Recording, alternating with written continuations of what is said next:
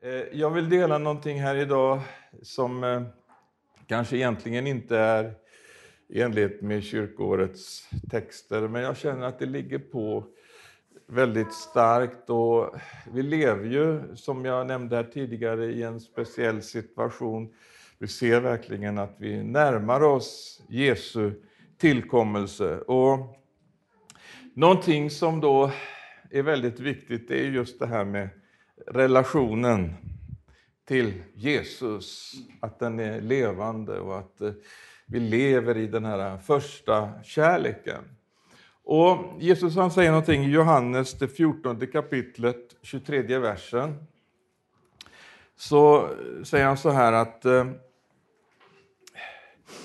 om någon älskar mig så håller han fast vid mitt ord. Och min far ska älska honom och vi ska komma till honom och ta vår boning hos honom. Den som inte älskar mig håller inte fast vid mina ord. Ordet eh, som ni hör är inte mitt, eh, det kommer från Fadern som har sänt mig. Detta jag har sagt er medan jag ännu är kvar hos er. Men hjälparen, den helige Ande som Fadern ska sända i mitt namn, han ska lära er allt och påminna er om allt jag har sagt er. Eh, här visar Jesus väldigt tydligt att eh, det finns två olika förhållanden till Guds ord. Den som älskar Jesus, han håller fast vid Guds ord. Den som inte älskar Jesus håller inte fast vid Guds ord. Så att eh, det blir något väldigt motsägelsefullt i om vi liksom på söndagen så kommer vi på gudstjänsten och så sjunger vi Jag älskar dig Jesus och, och så vidare. Och sen eh, i veckan så öppnar vi inte ens boken och läser vad det är han vill tala till oss och umgås med oss och undervisa oss om. Jag minns tillbaka för många år sedan innan vi gifte oss. Kristina hon var här i Skara på seminariet i tre år. Och jag bodde i Stockholm, 35 mil bort. Och det var väldigt långt, men eh, vi skickade brev till varandra. Och det var ju så att eh, när de där breven kom i brevlådan så var det ju inte så att eh, jag la undan dem och tänkte att det där kan jag läsa sen. Det, Eh, Eh, vi får se om jag får tid att läsa det där. Utan det var ju liksom, när brevet kom ner i, i brevlådan så öppnade man ju det väldigt snabbt och ville läsa. Därför att det fanns ju ett slags förhållande till den som hade skickat brevet. Ni förstår vad jag pratar om, eller hur? Och, och, och det, det här är just det, det här är Jesus kärleksbrev till oss. Hur han liksom skickar sina brev, han vill tala till oss. Och det är inte bara det att han vill tala om att han älskar oss och att han liksom har omsorg om oss, så här, utan det här är också så viktigt för att vi ska kunna liksom få guidning, för att vi ska kunna få vägledning. Ditt ord är mina fötters lykta och ett ljus på min stig. Så att ska vi komma liksom rätt i den här förvirrade tiden, då måste vi läsa ordet och be att den helige Ande gör det levande för oss. Det finns inga möjligheter att stå pall i en tid som denna om man inte läser Guds ord. Jag bara säger det och jag vill bara ropa ut det och, och säga det på alla sätt som bara går. Vi måste tillbaka till ordet. Därför att allt som sker nu, vi ser att det sker liksom saker och ting och, och, och det finns kristna hela sammanhang som liksom glider bort ifrån grunden. Varför det? Därför att man inte lever i ordet. Man går inte dit för att liksom ta reda på vad säger Gud. Det är ju så fantastiskt med Bibeln, för att vi kan ju liksom...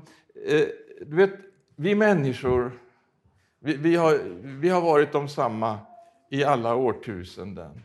Och den fiende som vi har att bekämpa, han är också densamme, ända från, från Edens lustgård, när han första gången frestade den första generationens människor. Hela vägen, han är densamme. och, och men så vet vi att Gud är densamme och Jesus Kristus är densamme igår, idag, så och i all evighet. Så att eh, med andra ord, den konflikt och, och det vi kan uppleva, den, den problematik som vi, vi, vi har, den, vi kan spegla oss i ordet och så kan vi se, vi kan läsa i Gamla Testamentet och, och, och vi kan se förhållanden där. Så kan vi se, ja men det här speglar ju precis den situation där vi befinner oss idag. Och, och, Det är därför det här finns nedtecknat. Och det fina med Guds ord det är också det att det tar liksom inte, det är inte liksom bara en ord med positive thinking, liksom, att eh, allting positivt och fint är samlat här, utan även det som har med nederlag och, och, och, och allting, liksom alla olika nivåer och situationer, det finns här. Det finns en David i psalmerna som ibland prisar Gud, men som också, det står om hans eh, nederlag, det står om hans, eh, hur han vänder sig till Gud och omvänder sig. Allting finns med.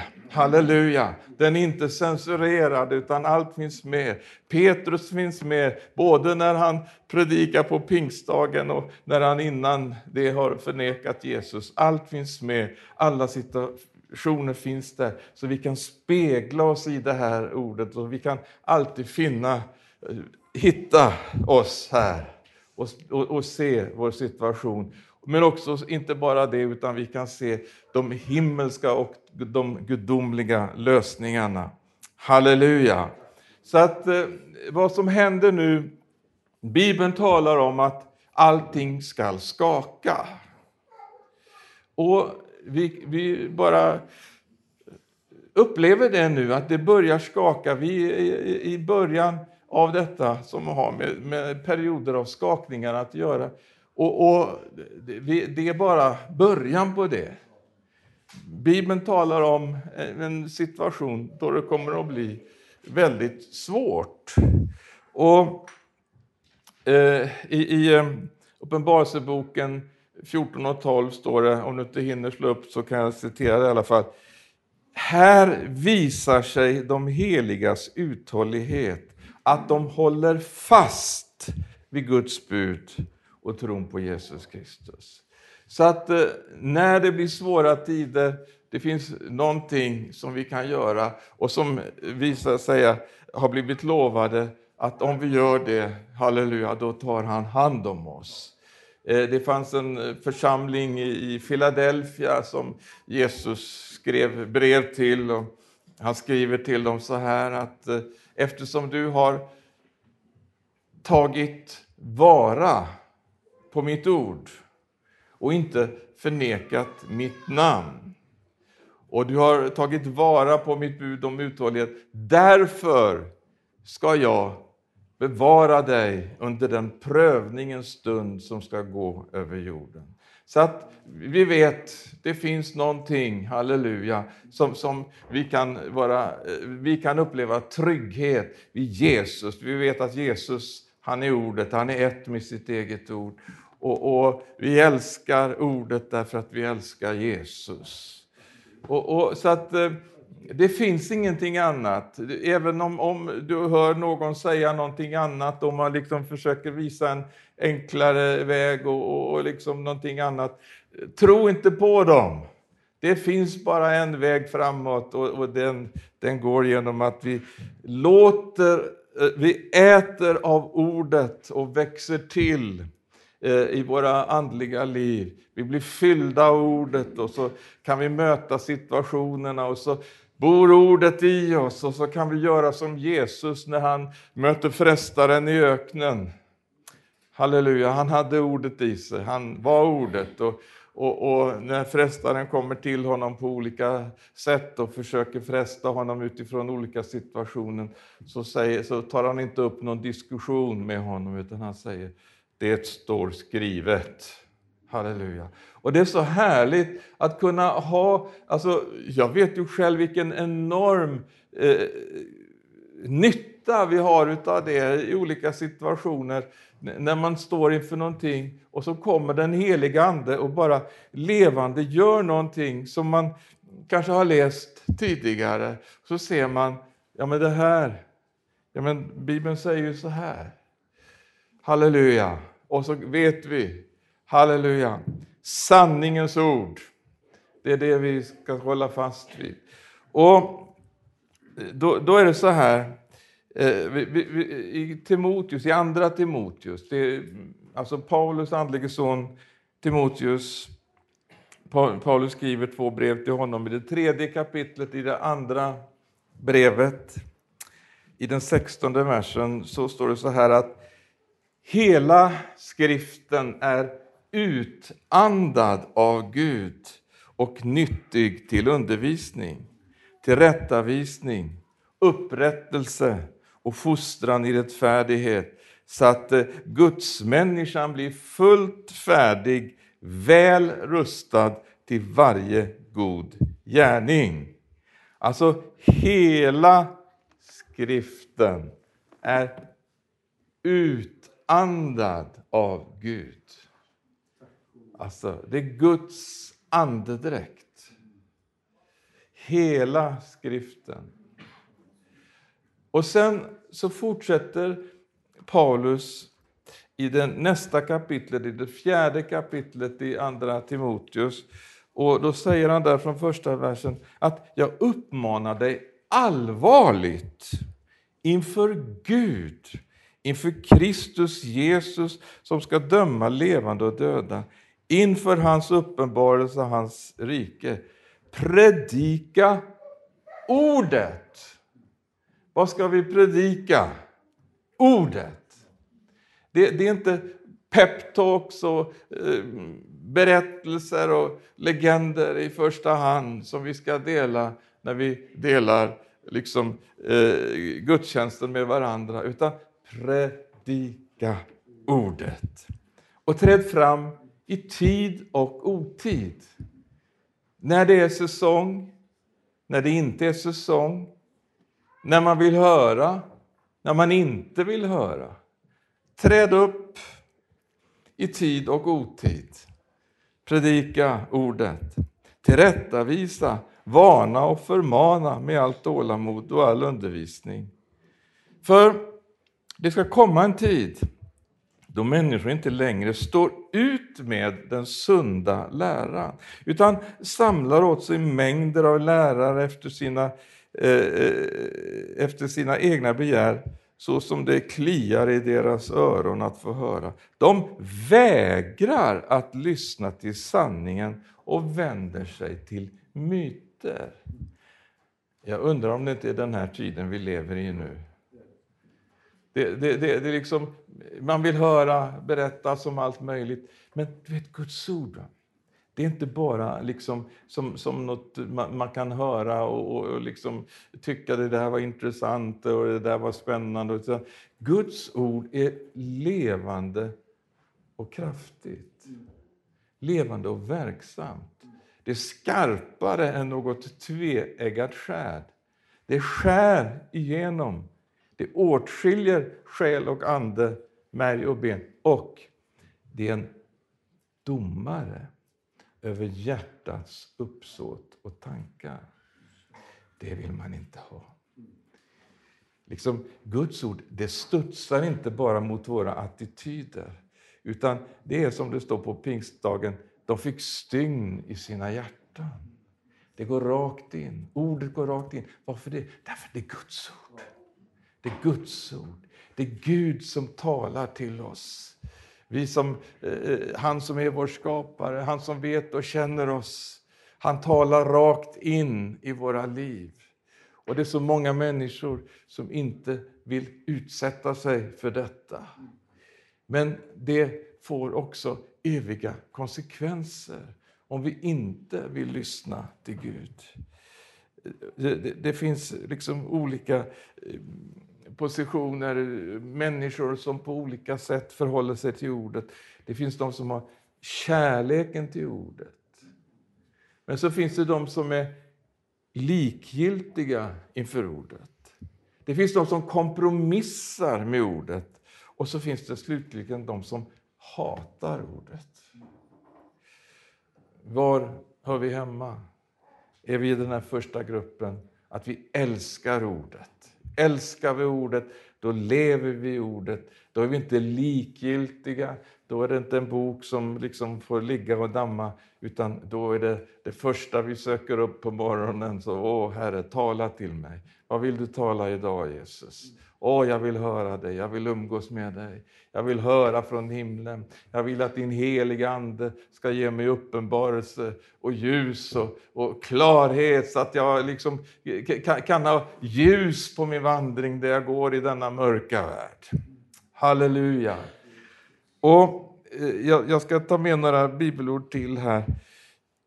I, i Hebreerbrevet, det andra kapitlet, så, så är det just det här, eh, här understryks vikten av det här att, eh, att när vi läser Guds ord, att vi också tar vara på ordet.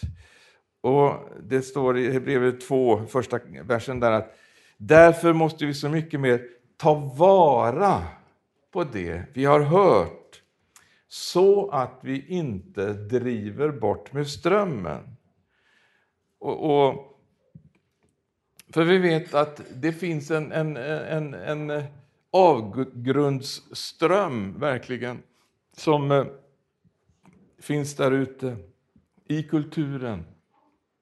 I allt det som vi liksom möter i, i massmedia och allt det som är liksom det allmänna tänkandet där ute. Det är någonting som vill dra oss med och få oss att likformas, att bli likadana, tänka likadant.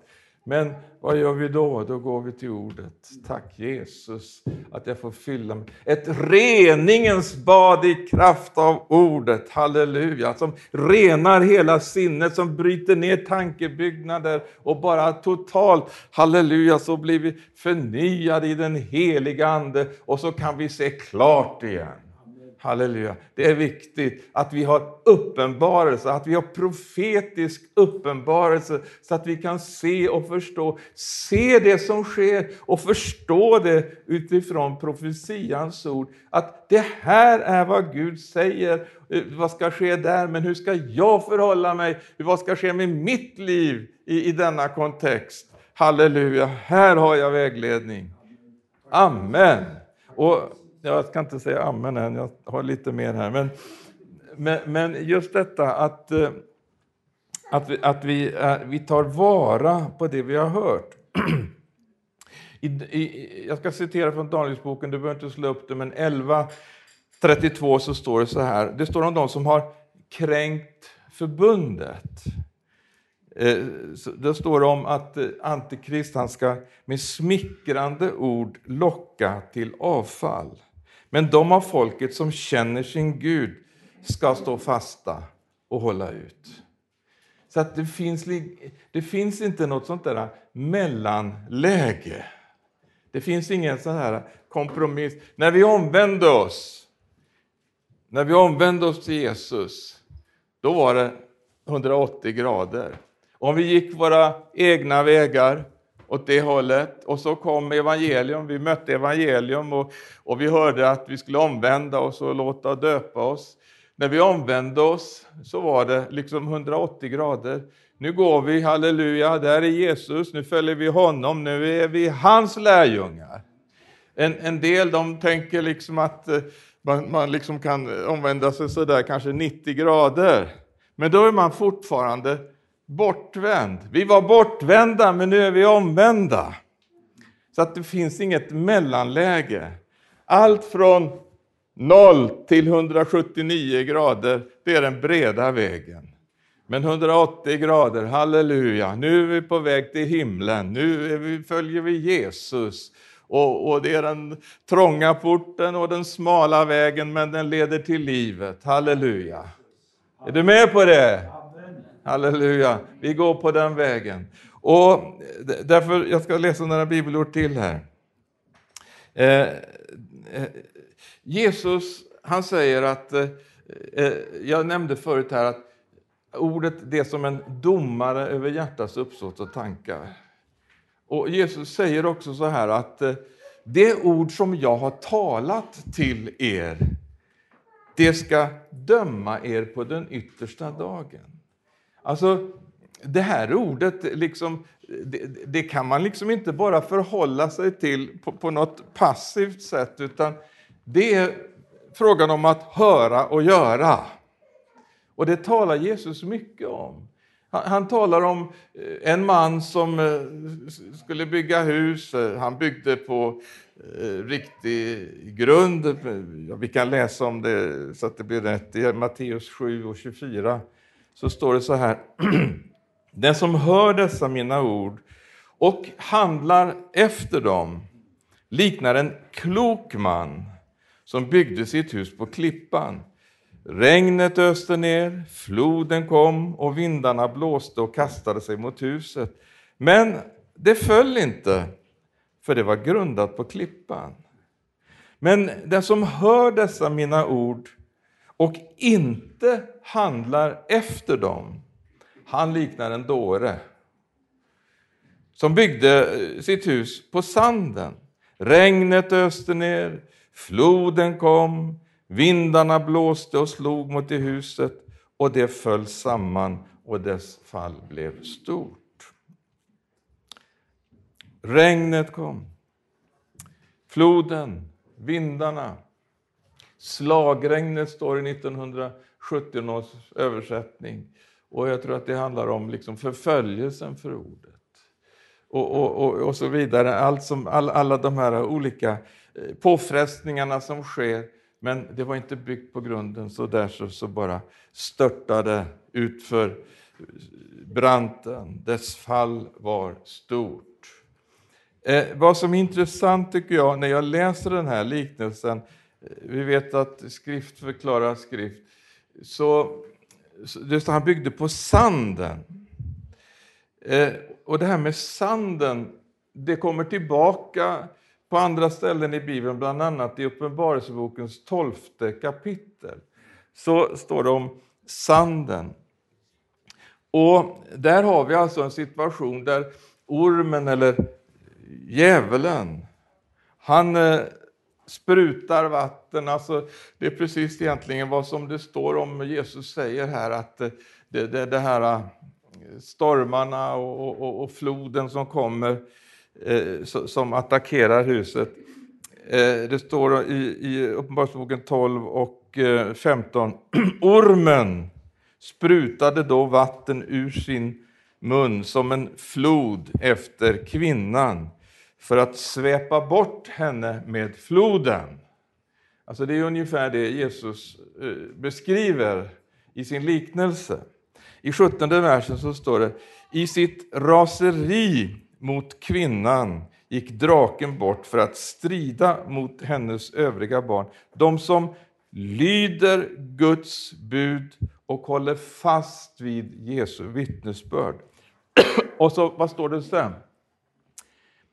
Han stod på sanden vid havet. Och sanden här, jag tror att det är bildspråk. Havet, folkhavet, men sanden. Sanden, jag tror att det handlar om just de som Jesus talar om här, de som byggde sitt hus på sanden. De som hörde men inte gjorde. Det vill säga, de som hörde och hörde och hörde och hörde tills de hårdnade, deras hjärtan blev förhärdade.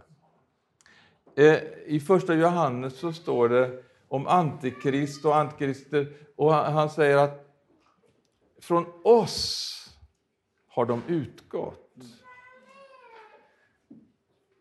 I, i Andra Thessalonikerbrevet 2 så står det att de gav inte kärleken till sanningen rum. Därför sände Gud villfarelsens ande över dem. Alltså, det är ett oerhört allvar om vi hör Guds ord, om vi inte tar emot ordet, om vi inte omvänder oss. Till slut så händer någonting med oss. Det går inte bara att sitta under ordet och, och, och, lyssna och lyssna och lyssna men aldrig liksom ta in ordet i sitt liv och omvända sig på de eh, områden där, där Guds ord talar till oss. Utan våra hjärtan hårdnar och till slut så hör vi inte. Vi har blivit förhärdade. Och, och, jag tror att vi som Guds folk i det här landet är väldigt farligt ute. Därför att vi har hört Guds ord i generationer i det här landet. Men det är precis som att eh, det sker ett avfall och en avvikelse. Man vet vad Guds ord säger eh, på olika områden. Man vet hur tydlig Bibeln är om eh, samkönade äktenskap och, och, och många olika saker som man nu idag så att säga öppnar upp för i församlingarna. Inte därför att Bibeln på något sätt säger det, utan därför att liksom tidsandan har liksom flyttat fram eh, positionerna på det här sättet och så följer man med liksom i den här eh, utförsbacken eh, mot det, det totala sammanbrottet som, som vi vet att hela den här kulturen står inför. Men här står det, de som... Att, att, att ormen, han, han, var så, han, han har raseri mot dem som lyder Guds bud och håller fast vid Jesu vittnesbörd. Så att det finns ett hat i världen mot dem som vill stå upp för ordet. De som vill i den här tiden vara tydliga och bara eh, säga så här säger Guds ord. Och vi, eh, vi viker oss inte. Vi gör som Petrus och Johannes. Vi för vår del kan inte låta bli. Vi kan inte låta bli att tala om det vi har sett och hört. Och skulle vi lyda er mer än Gud, säger, säger han till, till, till de här religiösa ledarna. Men här står det att draken stod på sanden vid havet. Sanden, vad är det? Jo, det representerar den del av en kristenhet som har avfallit som hörde och hörde men inte gjorde och på det sättet gled bort och blev istället en operationsbas för det som vi läser om sen om Antikrist i det kommande kapitlet. Så det är oerhört allvarligt. Det här ordet det, det, det, det är levande och verksamt. Och, och, och allting i vårt liv är beroende av vad gör jag med Guds ord? Tar jag emot ordet? Låter jag det så att säga förvandla mig? Sätter jag mig liksom under ordet och låter det döma mig? Eller sätter jag mig över ordet och dömer ordet? Det är det som är frågan. Och i den här tiden är det speciellt viktigt för att liksom bli bevarad, för att eh, så att säga stå redo när Jesus kommer, för att vara en ren brud som ska möta sin brudgum, så måste vi ständigt bara låta ordet få leva inom oss.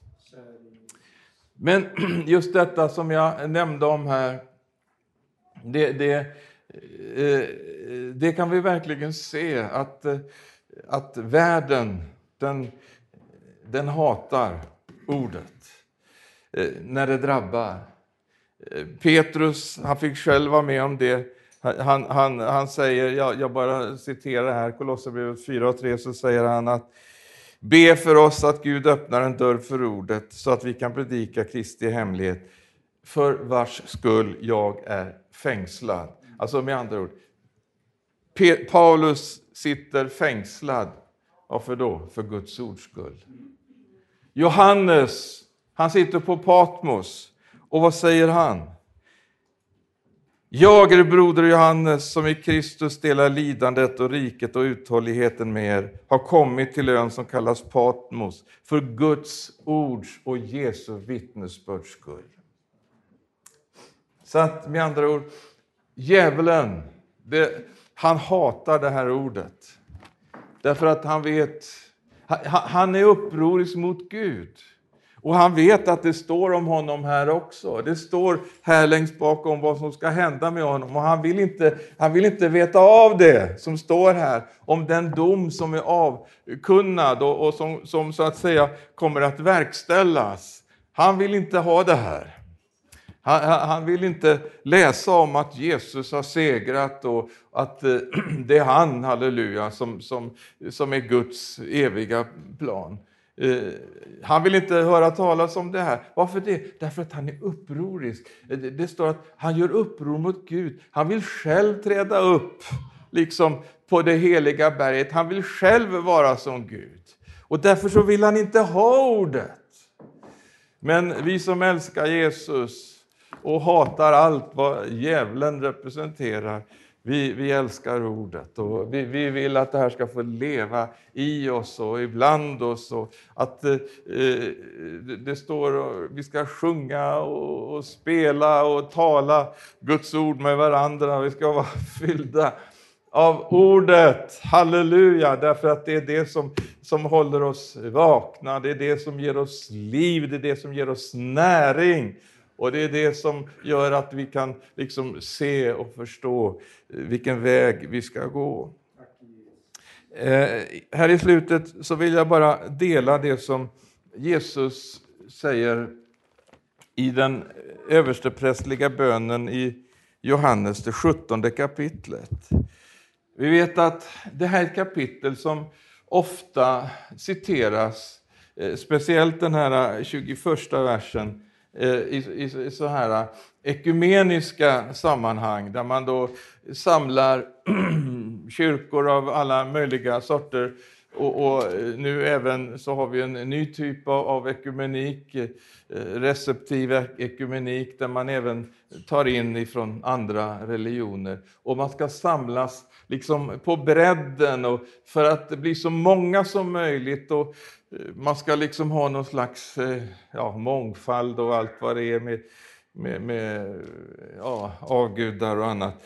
Men när Jesus talar här, han ber så här, jag ska läsa vad han säger, 21 versen. Jag ber att de alla ska vara ett vilka är de här alla som han ber att de ska vara ett? Är det alla människor? Du vet att ordet ekumenik, det betyder den bebodda världen. Det är så, det är alla. Men när Jesus säger jag ska bygga min församling, då använder han inte ordet oikumene, utan då använder han ordet eklesia. Och eklesia, det betyder de som har tagits ut ur världen. Och Det är det Jesus förklarar här när han säger jag ber att de alla ska vara ett. Då säger han att eh, det är de här, de som du har tagit ut ur världen, ber han till sin fader, och gett till mig. Det är dem han ber om att eh, de ska vara ett. Det här med ekumenik, det är någonting som, ja, ja ordet finns i Bibeln. Det gör det, oikumene. Det, det finns i, i julevangeliet. Från kejsar Augustus utgick ett påbud att hela världen skulle skattskrivas, oikumene, hela världen. Eller när Jesus frestas av djävulen i öknen så visar djävulen tar med honom till ett högt berg och så visar han honom alla riken i världen. Då står det oikemene. Alltså djävulen frestade Jesus med ekumenik, men han sa nej. Eh, men eh, hur kom det då att bli att det ordet kom att eh, bli någonting kristet? Jo, det beror helt och hållet på kejsare Konstantin som ville förena den romerska politiska makten med kyrkan.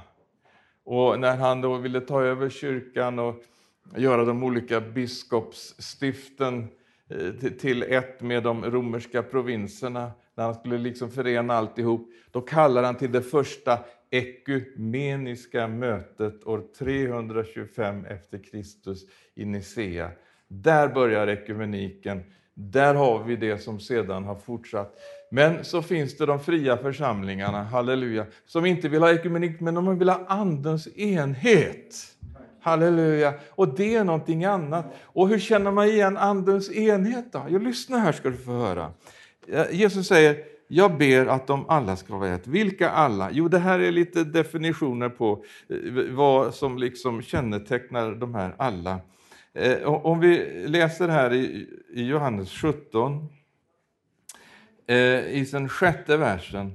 Jag har uppenbarat ditt namn för de människor som du tog ut ur världen och gav till mig. De var dina, de gav dem till mig. Och de har vad då? De har hållit fast vid ditt ord. Där har du ett kännetecken. När man samlas till en slags eh, bred ekumenik så är det inte detta att man ska liksom samlas för att ta reda på vad säger Guds ord. Nej, det handlar om någonting helt annat. Det handlar om, om en massa andra kyrkopolitiska ting som man diskuterar och, och, och långt ute i periferin. Men, men, det där är ingenting som Guds folk ska, ska höra hemma i. Vi hör hemma bland dem som han har tagit ut ur världen. De har hållit fast vid ditt ord. Nu har de förstått att allt som du har gett mig kommer från dig, för jag har gett dem de ord som du gav till mig och de har tagit emot dem och verkligen förstått. Och så står det, jag ber för dem i nionde versen, jag ber inte för världen, utan för dem som du har gett mig, för de är dina. Och så står det om att de ska vara ett, liksom vi är ett, säger Jesus i sin bön till Fadern. Alltså, här handlar det inte om att försöka hitta någon slags gemensamma nämnare och så ska vi kunna komma överens om det här och skriva någon slags eh, avtal om ja, och använda massor sådana här ekumeniska ord som kan tolkas olika beroende på vem som läser det. Och, och liksom så skriver man under allihop och så ser det ut som man har enhet, vilket man ju naturligtvis inte har. Men de ska vara ett, liksom vi är ett. Alltså den enhet som Jesus talar om, det handlar om den enhet som är i treenigheten. Halleluja. Den är inte av den här världen. Det är en gudomlig enhet. Halleluja. Halleluja, säger jag. Det, det, den enheten, alltså det är så fantastiskt. Jag har varit på andra sidan jorden och kommit in i församlingar och bara känt, ja men halleluja, ni är ju mina bröder och systrar. Och så när man kommer hit, man känner, jag känner inte många av er här, men en sak upplever vi, att, att den helige Ande förenar oss. Och jag vill bara ta med i slutet här, det står så här också, att eh, vi kan läsa ifrån den eh, 14 versen. Jag har gett dem ditt ord och världen har hatat dem. För de tillhör inte världen, liksom inte heller jag tillhör världen. Och så eh, i 17 versen, helga dem i sanningen. Ditt ord är sanning. Halleluja. Och så kommer den 21 versen. Jag ber att de som vi har talat om här, de alla ska vara ett. Och att du ska vara i oss, liksom du far är i mig och jag i dig. Då ska världen tro att du har sänt mig. Och, och så lyssna, den härlighet som du har gett mig, säger Jesus, den har jag gett till dem. För att de ska vara ett, liksom vi är ett. Halleluja. Och jag ber alltså, att de ska vara fullkomligt, fullkomligt förenade till ett. Halleluja. Och sista versen i kapitel 26 versen. Jag har gjort ditt namn känt för dem och jag ska göra det känt för att kärleken som du har älskat mig med ska vara i dem. Alltså, här ser du, det är helt andra kvaliteter än det man liksom försöker att åstadkomma på ett slags mänskligt vis och eh, liksom snickra ihop någonting. Utan det är den härlighet som finns i treenigheten. den kärlek som finns där, den enhet som finns där. Det är det här som Jesus ber om. Det är det han vill se på jorden, en, en utpost av himlen på jorden som kallas hans församling, hans eklesia. Halleluja! Det är det vi ska vara. Det är det som är den, den plan som Jesus har när han säger att jag ska bygga min församling och helvetets portar ska inte bli den övermäktig. Halleluja! Vi är inte av den här världen. Vi är av himmelen. Halleluja, vi har blivit födda på nytt, vi har fått ett nytt liv och vi har förts in i en gemenskap som, som är av Gud, som eh, en plantering från himlen där, där Jesus Kristus är huvudet och vi får vara lemmar i hans kropp. Finns det någon bättre bild på enhet än att vara lemmar i en och samma kropp? Det är ju fantastiskt. Lämmar varandra till tjänst. Närmre kan man ju inte komma, eller hur? Det, det, det är Guds plan. Så Gud välsigne. Håll fast vid ordet. Och den, den härlighet och den kärlek och den enhet som är av honom. Halleluja. Då ska världen förstå. Då ska de förstå. Halleluja. Därför att då ser de, det här är någonting annat. Det här är inte någonting som vi kan se där ute. Det här är någonting helt annat som de här människorna representerar. Eh, Tertullianus han sa år 180 efter Kristus att eh, man sa, eh, när man tittar på dem, se hur de älskar varandra. Alltså, de hade en kärlek, en agape-kärlek, den utgivande kärleken. Den kärlek som Gud har älskat sonen med, eller den kärlek som Gud älskar världen med. Han bevisar sin kärlek genom att han sände sin son till oss medan vi ännu var syndare. Alltså Guds kärlek är en utgivande kärlek.